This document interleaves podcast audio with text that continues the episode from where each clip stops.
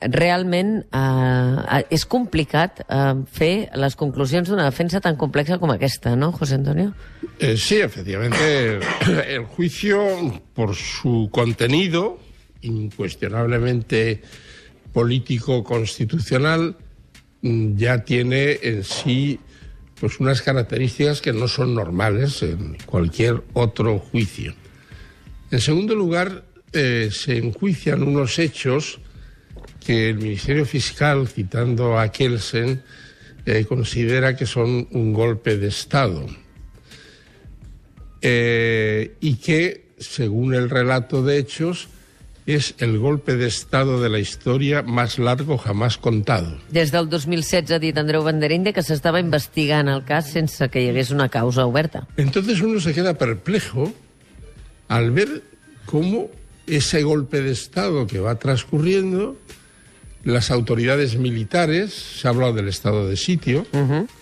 las autoridades civiles gubernativas, no me refiero a los políticos, han estado sentados tranquilamente el presidente del gobierno impasible, eh, hasta que llega un momento en que pone en marcha lo que ahora Van der Eyden reclama al final.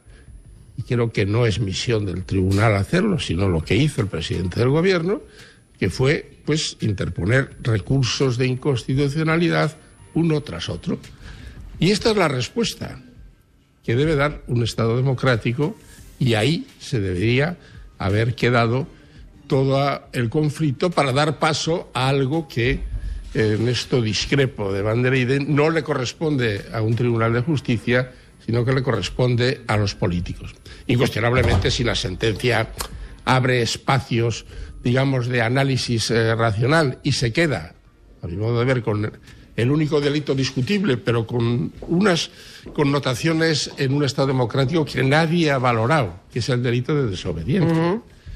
Eh, dos apuntes para no abusar del tiempo.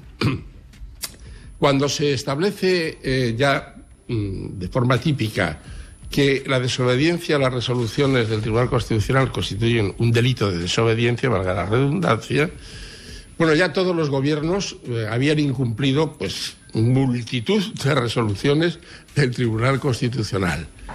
Tres magistrados, para mí los más prestigiosos del tribunal, Juan Antonio Siol, Fernando Valdés Dalré y Adela Asúa, penalista, insigne, hacen un voto disidente diciendo, mire usted, en este caso concreto los problemas que traen son de una trascendencia constitucional y democrática que ustedes no han valorado. Es que están hablando, ya hablaron en el caso Atucha, de que un parlamento que encarna la soberanía nacional puede desobedecer a un tribunal en este caso el constitucional, o en otro caso, un tribunal ordinario. Este es un debate interesantísimo desde el punto de vista de lo que son la jerarquia de valores en un Estado democràtic. Ah, què pesa més, no? Quin és el valor? Quins són els drets que pesen més? No, es que uno va a Inglaterra o a cualquier otro sitio y le cuenta que el Parlamento inglés puede desobedecer y bueno, se tira al Támesis inmediatamente porque dice, este hombre está, está mal de la cabeza. Es algo que hemos digerido aquí con una facilidad y se considera que los parlamentarios que encarnan la soberanía popular van a tener una pena semejante al que se salta un control de alcoholemia. Bueno, pues magnífico, magnífico Estado de Derecho. O sea, así da gusto. Vamos por el buen camino. Eso ya es el, la primera anormalidad. Después hay otra, hay muchas, es que es inagotable esto, porque a mí hay una cosa que me pareció intolerable y dada mi edad me retrotraía a los tiempos de Franco, cuando el fiscal Cadena, creo que fue, reiteró en varias ocasiones que estos malvados habían engañado a dos millones de personas. Y hombre, un poco de seriedad. Estamos en una sociedad democrática en el que además se acreditó algo que está en la realidad de las cosas. Mucha gente que no pensaba votar, al ver lo que estaba pasando, bajó a votar. ¿Engañado? También, hombre, un poco de respeto. Poco de respeto, cada uno bajó pues por lo que quiso y en el ejercicio de esa libertad absoluta. Y solamente un matiz respecto de la malversación. y en el que ha participado en su redacción actual el presidente Marchena, que es el factotum de la reforma del 2015 del Código Penal de la Democracia, que ya no se le conoce por ningún lado porque ha sido casi derogado de facto.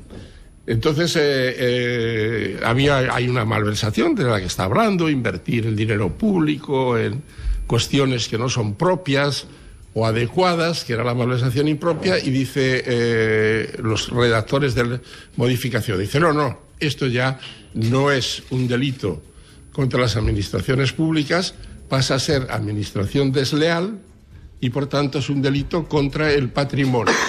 Lo dicen ellos, no lo digo yo. Bueno, no he oído hablar ni un segundo al Ministerio Fiscal de algo esencial en los delitos contra el patrimonio que es el ánimo de lucro. Yo no concibo un delito contra el patrimonio sin ánimo de lucro.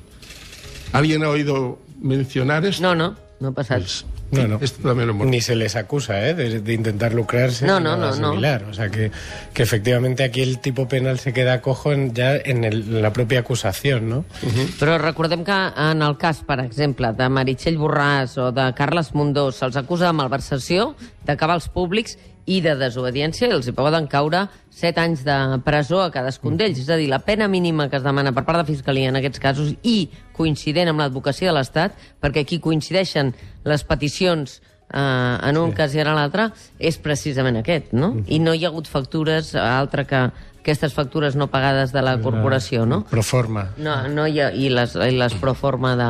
No, y, y, y otra anomalía, que a estas alturas ya es puramente formalista. La abogacía del Estado no puede intervenir en los delitos de rebelión y sedición.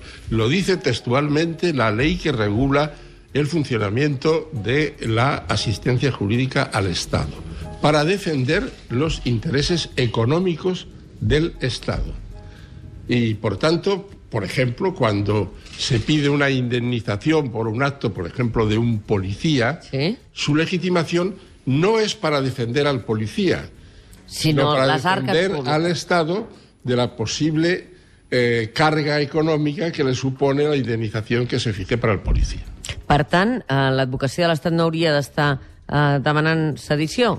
En aquest cas, vol dir? Eh, no, no, por supuesto, pero bueno, ya a estas alturas tampoco tiene mayor importancia. Se planteó como cuestión previa por parte de las defensas que, el, sí. que la acusación de sedición debía dejarse al margen y que, que, únicamente debería tenerse en cuenta la acusación de malversación por parte de la Fiscalía del Estado, pero por supuesto pues fue, fue desestimado por el tribunal. Deixeu-me comentar-vos una qüestió que hem sabut durant uh, la intervenció d'Andreu Bandereinde, la decisió del Tribunal Suprem de permetre que Joaquim Forn vagi al consistori de Barcelona Barcelona eh, durant els dies 14 i 15 formalitzar eh, i recollir la seva acta com a regidor de l'Ajuntament i eh, veurem què passa a Muriel Junqueras perquè Fiscalia diu que no se li ha de permetre anar eh, al Tribunal, ai, al Parlament Europeu a fer el mateix com a eurodiputat. Eh, bueno, yo creo que lo hablamos en la sesión anterior. Eh, bueno, acerté, yo acierto poco porque no, no, la bonoloto no es mi especialidad, y, y va a ir. Pero, además, en el caso de León Junqueras, yo creo que la fiscalía no ha leído el informe. A una memoria, una cosa es permitirle ir a Bruselas o a Estrasburgo y otra cosa es permitirle, que vamos, sería eh, una contradicción con sus decisiones anteriores, al Parlamento español, donde está la oficina en la que yo he estado cuando formaba parte de la Junta Electoral Central, ir allí y, y hacer el acto que estime eh, pertinente. Mm. Yo vamos, vamos a ver cómo reacciona el Parlamento Europeo, porque ya una vez que haga eso, ya no estamos ante una tesitura como la que aquí se produjo también asombrosamente en el debate entre el Tribunal Supremo y el Parlamento, en que se llegó a la conclusión paradójica de que el Parlamento aplicaba la ley de enjuiciamiento criminal y el Tribunal Supremo aplicaba el reglamento del Parlamento. Todo muy lógico y muy racional.